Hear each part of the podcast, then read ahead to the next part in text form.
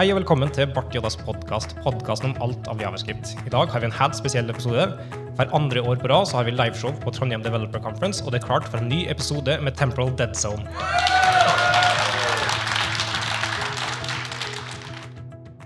Til podkasten en gang her så har vi Christian med CH. Hei. Christian med K. Hei, hei. Marius med M. Hei. Og med Mikael. Og Det er et helt nytt konsept som vi skal ha på denne episoden, her, eh, som vi håper kan funke bra til den settinga som vi er i nå, med live-publikum, som gjør at vi kan eh, ta inn et tema litt hurtigere og eh, være, gå fra tema til tema i en mer rapid case. Og så forhåpentligvis få plass litt forskjellige meninger. Vi har fortsatt kalt den Tebral Dead Zone, som er som, et konsept som vi har brukt i podkasten tidligere, der vi tar for oss nyhetsartikler og diskuterer innholdet i dem. Eh, de tar ofte og strekker seg litt over eh, gjerne over en time, og det har vi ikke til rådighet her, så vi har prøvd å gjort det da i stedet for bloggplattform, så det blir da en mikrobloggplattform. Jeg vet ikke om Twitter eh, fortsatt markedsfører seg som mikrobloggingstjeneste. Men de gjorde i hvert fall det på et tidspunkt. Mini, kanskje? Noe som har dobla antall tegn? Ja, det er sant. Ja. Uh, og da kan vi egentlig sette i gang med en gang. Så vi viser da en tweet, på, eller en, en tweet, eller en jeg vet ikke hva det blir på norsk, på storskjermen og så leser vi den opp, og så diskuterer vi den temaet som er i, i omhandla på den tweeten. Før vi setter i gang med det, så har jeg tatt med en liten kreativ frihet. Uh, I og med at vi nå skal vise andre sine tweets her på storskjerm foran dere, og så skal vi diskutere deres sine tweets, så tenkte jeg bare kjapt at vi kunne pløye gjennom uh, et par av våre egne, slik at vi ikke driver og diskuterer andre sine tweets. Det var den store overraskelsen. Så, Ja. da- ok. Så i 2010 Christian, så skrev du 'Checking out this CSI Prettifier pr processor, som unique formatting styles and several customizable options'. Hvordan gikk det med den, egentlig? Den eh, kan jeg nesten ikke huske å ha brukt. Jeg var inne og sjekka den nettsida, og det er blitt et eventbyrå, tror jeg. Oi, shit. Så, Jeg likte eh, navnet. da. Altså Pro CSSR. Ja. Den var fin. Hva er det verre der? og så har vi en fra Christian Alfoni her. Uh, ok, we just iterated this CSS joke. All the kids had blue background except Felicity. She was affected by specificity. Kjære vene. Er du fortsatt like stolt av den vitsen? Um, ikke like stolt. Jeg synes den var ganske bra, Jeg måtte vært i samme tilstand, tror jeg. Og her er en av mine. Adding keyboard shortcuts for git commands in VS Code is the best thing I've done this week. Jeg fikk en privatmelding fra han som satt ute på prosjektet med Jeg lurte på om det var en litt sakte uke. eller et eller annet um, og her er det fra Mikael. Like stolt ennå. Det beste til. Bad project management is a lot like babies. They are loud, constantly makes new tasks and distractions and complain when things are delayed. In the end, they, they In the end, you have to clean up poop. Det er ganske bra. Ja. Det eneste som irriterer meg med den, er at de mangler et Oxford-komma her. Uh, som, som burde vært uh, and distractions. uh, og så skulle, men jeg, jeg få personer som merka men jeg fikk, uh, fikk respons på det i ettertid. da At det mangla Fikk litt pepper, ja. Jeg fikk litt pepper, ja. Skal vi gå inn i det vi egentlig skal snakke om? Det kan vi gjøre. Ja, skal vi ta for oss første tweet? Det er fra Sara Viera. Hun skriver I learned javascript with jQuery. Så det er en del ting å destille fra det, sånn som jeg har tenkt det. For at uh, teknologien er ikke nødvendigvis så, så uh, vektig at det er jQuery by example, selv om jeg for så vidt lærte eh, med jQuery back in the day.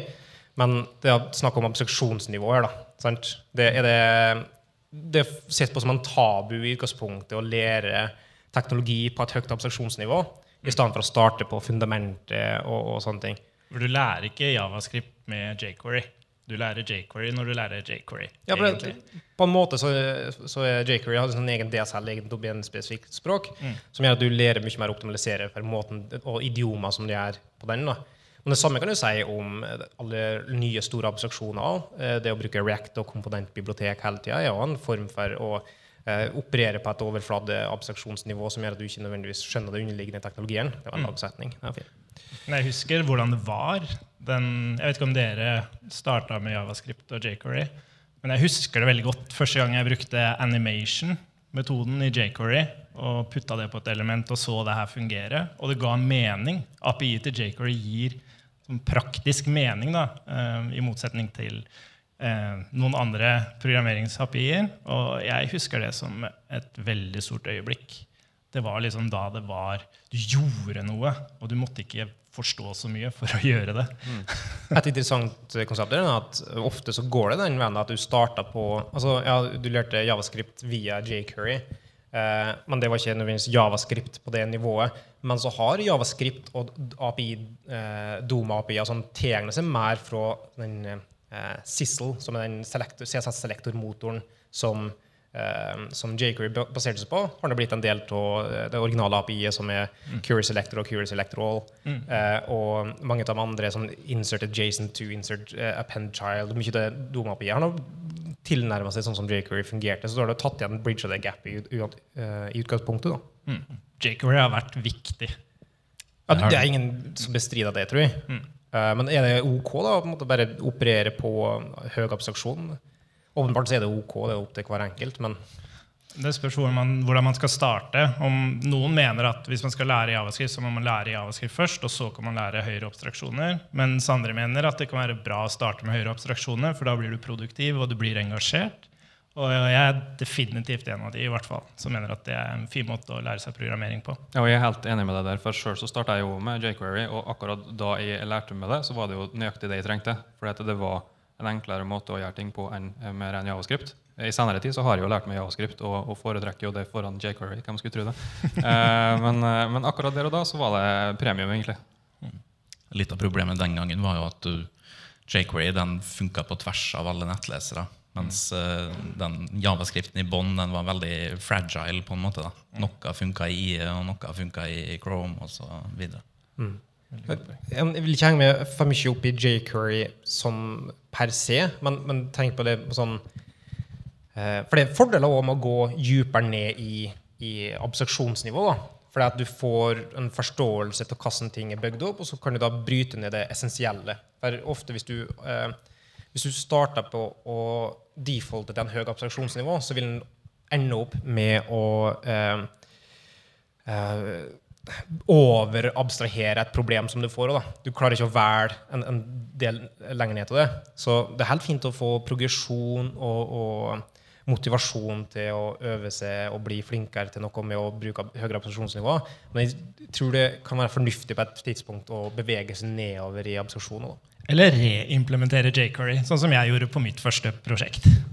Og så ta det i bruk eh, og få noen til å forvalte ja, det. er i produksjon den dag i dag. Det. Så, ja, det er jeg tror det er det vi har eh, på vei. Ja. Jeg tror vi kan hoppe til neste tweet.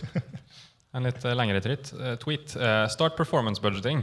If you're building a web experience and want to stay fast, the performance budget can be critical.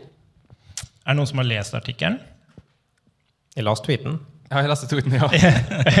jeg skumleste artikkelen. Ja, okay. Um, og det går jo egentlig på å sette opp et budsjett for hvor store skal filene dine være, eh, hvor, tid, hvor mye tid skal det gå før du får gjort den første kritiske interaksjonen, og alle mulige sånne ting. da. Eh, det stemmer, det, ikke sant? Ja. ja. Uh, og det jeg ble litt forvirra der, det er, sånn, det er jo veldig bra, det. Og nå får vi veldig mye hjelp av Webpack og sånne ting som sier til oss når filstørrelsene er store. Ehm, men hvordan bestemmer du på et prosjekt hva budsjettet ditt skal være? For meg så virker det som du må kunne ekstremt mye om brukerne dine. Hvilken hardware de kjører, hvilken dekning de har, for at du liksom skal begynne å lage et budsjett i det hele tatt. Da. Så det er en veldig god tanke, men jeg forstår ikke hvordan man skal klare å lage et sånt budsjett. Går det an å arve budsjett fra andre? Da? Altså fra erfarings, uh, andre erfaringer som lignes din egen? God poeng. Jeg tenker det er kanskje viktig å sette opp uh, et budsjett som er akkurat der du er i dag, uh, og så prøve å holde seg til det budsjettet så langt det er mulig. Mm. Sånn at man ikke driver ukritisk legger til nye NPM-pakker sånn som viser seg å ta to megabyte eller et eller annet sånt. Jeg bruker sånn som kommunale og statlige organer. så Hvis jeg holder meg under budsjettet på slutten av året, så bruker jeg på alle performance-punktene mine til slutt. Høres ut som en kjempeidé. ja, jeg likte veldig det du sa, Kristian, om at eh, ok, hvis du er, begynner fra scratch, da, bare mål det du har i dag, og så prøve å holde deg til det. Og så lærer man av det, og så klarer man kanskje å lage et budsjett for et nytt prosjekt som er litt mer ambisiøst neste gang. da. Jeg tror det handler mer om å ha et konkret forhold til dem. Uh, om budsjettet stemmer, og om du har stort avvik fra resultat og budsjett, er ikke nødvendigvis det viktigste, så lenge du har eh, en slags måletall som du konkretiserer problemstillinga og sier at, uh, at dette er faktisk en utfordring som vi må takle, og at dette er en type metrikk eller en type verktøy som kan hjelpe deg å, å komme i mål på det. da. Og eh, enda viktigere er kanskje måten du går fram og det er litt i samme gate som forrige tweet med rundt Drakery og høy abstraksjonsnivå. For da kan du ofte fort bomme på, på performance-metricen din, Uh, fordi du bruker mye mer enn du egentlig tenker at du gjør. da. Mm. Så en konkretisering og en sånn bevisstgjøring er mer viktig enn noe annet. Men det var litt kjedelig. Kan vi ikke hoppe til neste Og jeg ser den på notatene sine, for nå har han noe juicy budsjetter og Ja, ja. sånn? Vi hopper til neste. Eh, Sara Swaden skriver I love CSS custom properties. ja. Ja, Aldri brukt de. ikke jeg heller. Kan eh, noen av dere som har brukt dem, forklare hva det er? da? Variabler. Ja, det er variabler. Ja. Mm.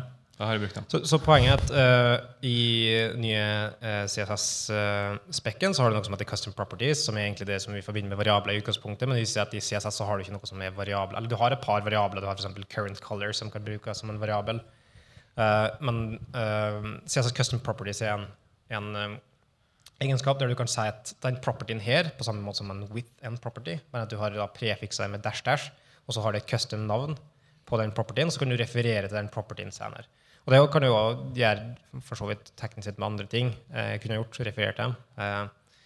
Men det er i hvert fall hensikta med den her. Og det som er interessant, er at på samme måte som andre properties i CSS, så vil det da eh, eh, det vil være cascading på det, og det vil være spesifisitet på det, og det vil være i repaint i Santi. Så i motsetning til en variabel som skjer på eh, si, i preprosesseringssteg, f.eks. sånn som eh, pro processes, um, så skjer det da når du transpilerer eller kompilerer ned, så er det statisk eh, resten ut, mens en custom property vil endre og propagere alle endringene gjennom cascading, gjennom spesifisitet, gjennom alle forskjellige selektorer når du endrer på innholdet. til den, da.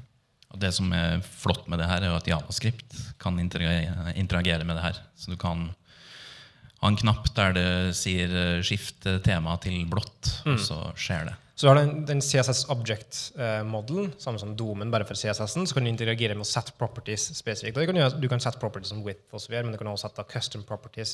Og hvis du da har det på toppen, så kan du f.eks. få til parallax-scrolling uten at det scroll-janker eh, altfor mye. Kanskje du ikke burde gjøre det i utgangspunktet. da, ikke, ikke ødelegge scrollinga mi. Men eh, skriver dere vanlig CSS? Vanlig CSS, ja. Uten, noe, uten noe prosessering på det? Ja, du kan bruke eh, CSS Next. da, vet du da. Ja, Men sånn i forhold til alt alt er globalt og få orden på alt Det her er jo veldig bra, men det er jo veldig mye annet som ikke er bra. Som, Navngivningskonvensjoner. Navngivningskonvensjoner. Kan du få Ja, men, det, men jeg trodde det var liksom, vi var ferdig med det nå. Navngivningskonvensjoner. At vi har gode verktøy nå som bare lar oss skrive CSS-en og den fungerer sånn som vi vil at den skal fungere. Jeg kan tenke på som alternativ at sånn, si SAS eller Stylus eller Less og sånne ting. Ja, nå, jeg ikke bruk, nå spiller jeg en litt sånn vanskelig rolle her Ja. for å liksom skape litt diskusjon. Eh, men Jeg har ikke brukt noen av de, men ja, det var gode eksempler. Men, Men der eh, har du jo variabler og alt sammen. Spørsmålet jeg lurer på, da, eller eh, det jeg prøver å finne ut er hva slags diskusjon du prøver å starte. Er det en CSS i Javascript, eller er det en preprosesseringsverktøydiskusjon? Nei, jeg bare er lurer på, Man har hatt funksjonaliteten før det her kom. Og man må, min mening er at man må gjøre noe form for prosessering på CSS for at du skal klare å håndtere alle de problemene som er der. Ja, for modularisering. Ja. Mm. Altså, men Det er jo ikke nødvendigvis preprosesseringens skyld, men det kan være en pakkemanager. Ja, ja. Men i all sin enkleste form, for enkleste prosjekt, så kunne det vært en konkatenering av filer. Sånn in the good old days, egentlig. Ja. Men ja. Måten, men det endrer ikke måten du skriver nødvendigvis på. Det handler bare om strukturering, organisering og disiplin. Ja, men det er det som er vanskelig. Det er derfor vi har verktøy. For at vi skal slippe å disiplinere oss. Verktøy kan ikke gjøre at du slipper å kunne noe om det. Det vil gjøre det enklere å, å følge best practices. Da. Men jeg tenker CSS modules, for det er jo veldig barebone. Det handler jo bare om eh, å putte ting i isolasjon. Der tror jeg det er supernyttig. da. For jeg brukte CSS modules tidligere, og nå sverger jeg til andre løsninger fordi du får mer ut av det. Men med det her så kunne jeg titta på CSS modules igjen, i hvert fall. Men lenger enn det går jeg ikke. altså. ikke tilbake til ren CSS. Jeg tror det Men eh, på samme måte som jQuery, altså utvikla ren CSS seg òg? til å få ting. Den får nøsting til ting, den får CSS custom properties osv. Ja. Utvikling eh, skjer der òg. Ja, ja. Neste. Kan bli litt uenig òg. Jeg vet det. Skal vi se da. Uh, B-man skriver After submitting a PR for somebody else to review, it's good practice to immediately do a review yourself. Review it like you are rev reviewing your mentee critical but fair. Uh, you'll likely spot things you didn't did not in intend to commit, console logs, commented code or unused imports. Jeg vet ikke med dere, men jeg føler når jeg sender inn en PR, så er det som en mic drop. Det er bare I'm out of here, liksom. Jeg er ferdig, jeg har gjort jobben min. Inntil den neste person sier her har du glemt en debug statement. Ja. Som, som ofte skjer. Altså, men jeg er helt enig. Det, det er sånn det klimakset av kodinga. Så nå er vi ferdig. Da er, ta det. Ja. Uh, og så eh, Men så, det er et ganske godt tips. Jeg vet ikke, Dere kan ikke være uenig i det? Nei, jeg er veldig enig, men jeg gjør det før jeg lager PR-en. For jeg bruker det visuelle grensesnittet til Visual Studio Code når jeg, lager, når jeg committer, og lager, eller så når jeg committer, og da går jeg alltid gjennom filene mine og Ja, ser er jo, på men, endringene. men jeg tror ikke det er nok for å få det til. For du, du endrer ikke kontekst og måten du ser det på. Så du endrer Nei, ikke øynene du ser det med. Det er sant. Ikke gjør du det om du pusher det til GitHub heller, da, for så vidt. Sånn, men metaforisk er jeg også tenkt på. Ja. Er det bare jeg, eller er det vanskelig å lese liksom menti uten å tenke på insektet? Hæ? Hva slags Insekter. insekt er du tenker på? Sånn manatee? Nei. Ok. Da er det bare jeg. Men budskapet her, er- jeg syns det er flott, da. Ja, det er flott budskap. Ja. Enig. Skal vi si oss fornøyd med det, eller? Og så bare hopper vi Jeg syns det er veldig bra at man, er, um, man bruker litt tid på å se gjennom sin egen kode. Sånn at man ikke kaster bort tida til den som skal reviewe det her. For det å måtte legge inn masse kommentarer på konsollogs og sånn, det burde være fullstendig unødvendig. I enkelte situasjoner kan det være ganske vanskelig å få hastighet på review-sykluser òg. Og i hvert fall å luke ut mange sånne småfeil kommer til å hjelpe både på motivasjonen til dem som kan reviewe, og hurtighet til å få gjennom ting i, en sånn review-syklus-prosjekt. Så eh, bra tips. Ja, Man burde jo kanskje ikke bruke den Altså man bruker, burde ikke bruke revieweren som en kodesparringspartner. Jeg føler bare det her krever masse disiplin, og det er ikke jeg noe fan av. Så det, Du burde ha funnet et verktøy for det. Hæ? Burde funnet et verktøy, så slapp du disiplin. Ja, det burde vært et verktøy som gjorde det her. Ja. Og det tror jeg det kommer òg, faktisk. Neste. Sophie Alpert skriver uh, The older I get, the more I want to always use let in JS and never use const. Ja, nå snakker vi flisespeaking her. Det blir bra. Det blir kjekt å komme inn på litt ordentlige diskusjoner. Vil du forklare hva, hvordan lett er annerledes enn var? Jeg vet du elsker den Ja, forklaringa. ja, det det beste jeg vet. Eh, lett kan endre bindinga på, på en variabel, mens konst uh, har en fastsatt binding. Uh, som betyr at hvis du har eh, const fu en plass i koden din, og i samme scope, så kan du da ikke ha ny const fu. Og du kan ikke endre på hva fu peker til. Men hvis det peker etter et objekt, så kan du endre innholdet av det objektet. For eksempel. så det er ikke en, det er ikke en immutabel verdi, men det er en immutabel referanse til en verdi. Og det har jeg hørt. Jeg hørte på den Syntax-podkasten, og da ble faktisk konst eh, forklart som en immutabel verdi. Ja. Da ble jeg litt satt ut, for det tror jeg er mange som tror. da. Og det er det som er, og i den innser det da, på en måte at det ikke er en immutabel verdi, for du har ikke immutable objekter i Javascript. Alt er immutabel med mindre du kan fryse det, så, men det er fortsatt ikke en immutabel datastruktur på den måten. Uh, men sånn at det, det frarøver mye av nyttigheten med en, en fastsatt, uh, konstant referanse, da, men det er fortsatt en sånn slags garanti.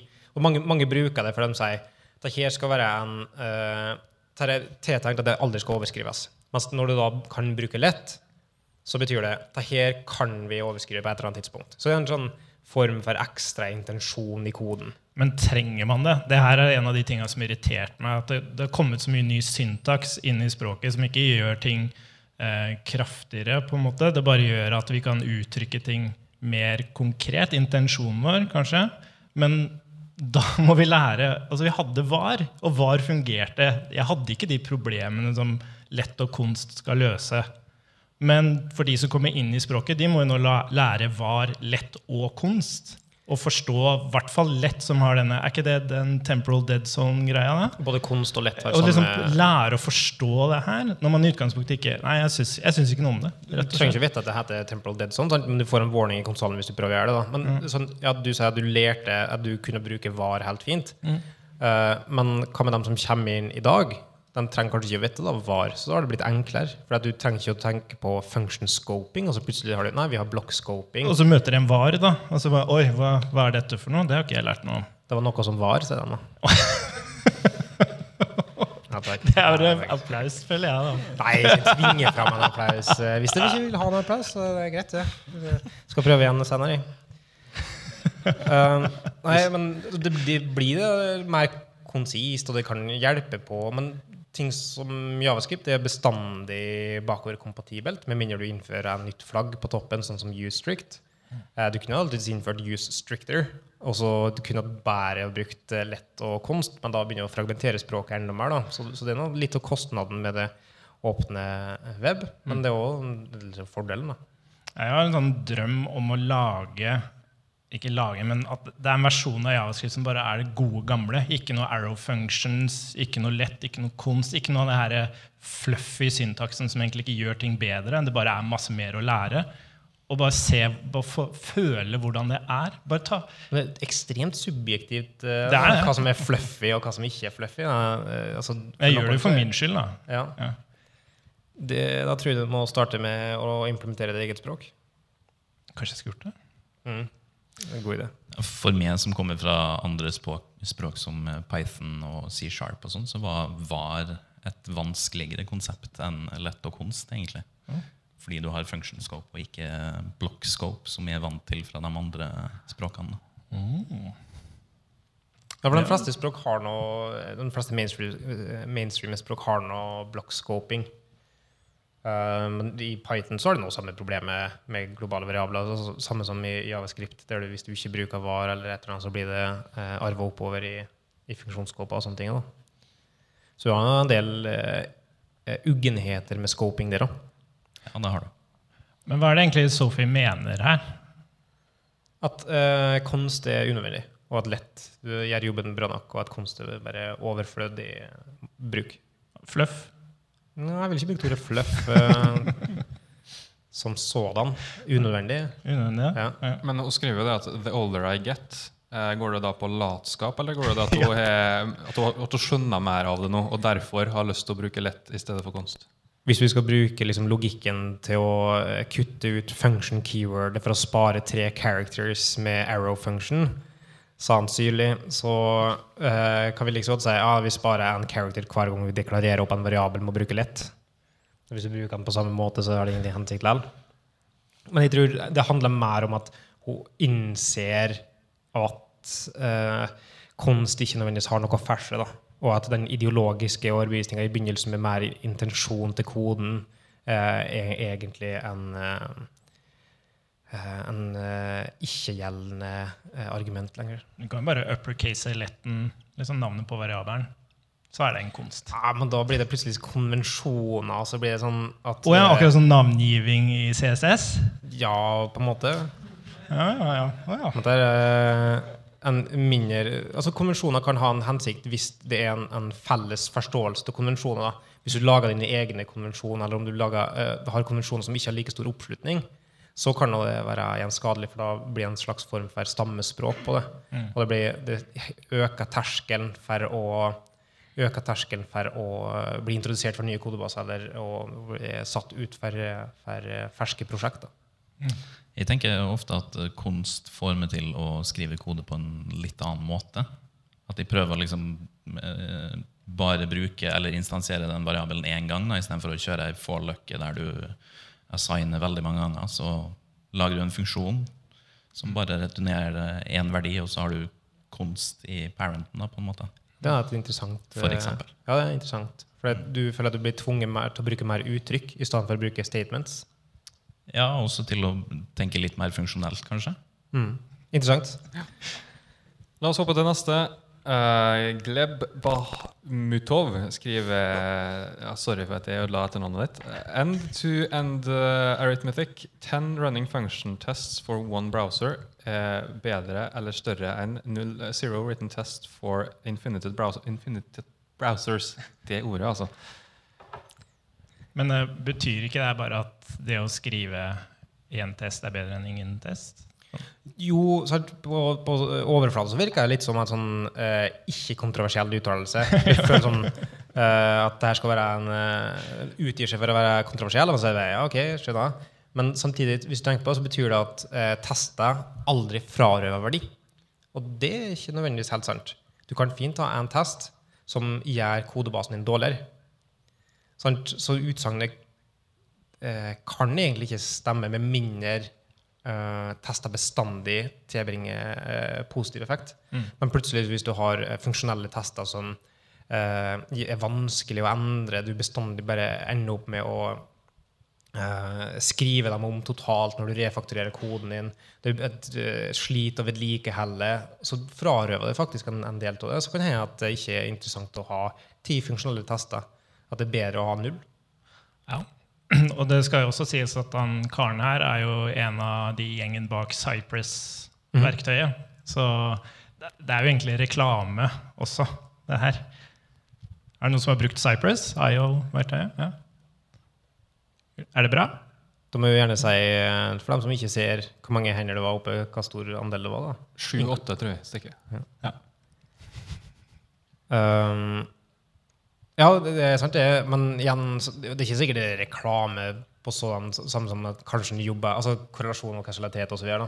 Kanskje en eh, har den holdninga her, og så er han med på Cypress-prosjektet pga. at han har den holdninga her. Sant? Kanskje. Uh, men jeg, jeg har ikke lyst til å Jeg ville vil ikke sagt meg enig i sånn uh, uh, bastante uttalelser i utgangspunktet. Ja. Nei, det kommer på konteksten. Ferdig. Jeg har ikke noe mer å bidra til på den. Altså. Enkleste måten å avslutte diskusjoner på. da. Ja. Skal vi prøve oss på NT? Jeg tror tida begynner å renne ut for oss, men eh, vi kan ta NT. Ja. Så ser vi hva lang tid den tar. Uh, Una skriver What's your favorite CSS acronym? Der hennes sitt er Clooney Saves Seagulls. Vet du hva jeg skrev i notatene mine her? Ja. Uh, anser meg selv som nerd, men det får være grenser. Ble det for Det er, vel det? for, er, det, er det her en greie? Com computers suck souls. Constant smooth sailing. Crabs speak silently. Eller hva han sier. Counter-Strike source. Ja, det kan Ja, det relatere meg til. Vil du komme med en eh, Christian med K? Eller? Nei, er nei, jeg har ingenting. Du, du har, ok, den var veldig kort, så da prøver vi på en uh, siste. Uh, Sarah Dressner skriver uh, When you look at the codebase you work most frequently on, what are you primary using for async? No lies, please. Og da er det en tilhørende vote på den tweeten, der async og wait vant med 42 Men litt, jeg vil gå tilbake til den forrige. «Konst saves sanity. Det jeg brukt. Hæ? På den forrige, jeg, jeg har ikke fulgt med på det som skjedde her. i dag. Jeg er fortsatt på CSS. Du ja. ja. Ok. Uh, men vi har i hvert Kom litt seint, Mikael. Ja. Har du lest tweeten nå? Ja, nå er jeg, Ja, du- nå du er jeg med. up to speed. Ja, det er bra. Er det, er det kontroversielt å si callbacks? På det? Jeg tenker en blanding. Ja, en blanding. Ja. Men det er ikke async await. Nei, enig. Den, eh, jeg tenkte litt på det, hvordan jeg skulle liksom forklare hvorfor jeg ikke bruker det. Og en ting jeg kom over er Hvis du tenker et vanlig HTTP-kall, så har du en funksjon som skal hente noe fra serveren. Og Hvis du bruker async await, så gjør du det kallet i funksjonen med await, og så får du resultatet. Og så er du oppmuntra til å gjøre noe med det resultatet, og så har du gjerne en try-catch, og så håndterer du erroren til det hvis det er en error i det resultatet. Mens med et promise så eh, føler jeg meg oppmuntra til å separere det her i flere funksjoner. Så du har én funksjon for å sette resultatet i den, og så har du én funksjon for å håndtere erroren til resultatet i catch. Eh, så ja, nei, Jeg har bare liksom ikke hivd meg over den der async await-greia, men jeg, jeg føler ikke at det gjør det, det kan gjøre koden min lettere å skrive, fordi jeg slipper å lage disse ekstra funksjonene, men jeg tror ikke det gjør koden min bedre. Jeg tilhører jo tydeligvis den minste kategorien der. Jeg skriver kun uh, RxJS. Ja, observables, da, tenker jeg på. Ja, observables. Mm. Det er Det er litt sånn eh, altså, Du kan ikke bruke async await uten promises, da. Eh, Verken eller altså, Sett bort fra flisespikinga som kommer, da, som at eh, async await opererer på promises. Men jeg mener at selv på et eller annet tidspunkt, eh, når du propagerer gjennom hele callstacken din, så vil du på et eller annet tidspunkt eh, interagere med en som en promise uansett. Altså, du vil- og jeg vil påstå at uansett i en kodebase som har mye async away, så vil du ha eh, nesten like mye promises. da. Ja, det er en god poeng. At du må interagere med. Og Det er kanskje dere jeg sliter mest med async og wait. For at da må du, eh, du Du må gjøre så mye valg rundt, rundt uh, ok, hvordan skal dette bli en promise, og så er det uh, ting blir en promise uten at du vet at det blir en promise, bare for at du har et e- enkelt nøkkelord. Så du blander litt konsept, og så blir det vanskelig. Det er ikke eksplisitt nok hva som er Selv om det er en eksplisitt keyword, så er det uh, når du ser på en verdi, eller når du returnerer en verdi, så, så er det liksom Eh, det er ikke så lett å skjønne at det er tiltenkt brukt i en sånn kontekst. Da. Mm. men samtidig så det, kan det nøste opp ting litt enklere. Så hvis du skal iterere over mange forskjellige verdier og gjøre en ting på verdi, så kan det fort bli sånn hårete med reduce, eh, reduce eh, kombinatorer og, og gjøre over det. Så Det kan det være enklere å løs, løsne det opp til en mm. Det er et veldig godt argument, faktisk. Men det er ikke så lenge siden Async Await kom til eh, Javascript, så det er jo egentlig ganske Ja, JavaScript. og så er det i Node, eh, ikke LTS-versjonen, men den nyeste. da. Ja, så så, er det det- er på en måte litt overraskende at den har så stor oppslutning. Ja, det er ikke så kjempeoverraskende med tanke på hvem som ser på den typen tweets, de som følger med på det, og de som som regel ligger litt eh, foran på det. da. Er det er sant? Ja, ja.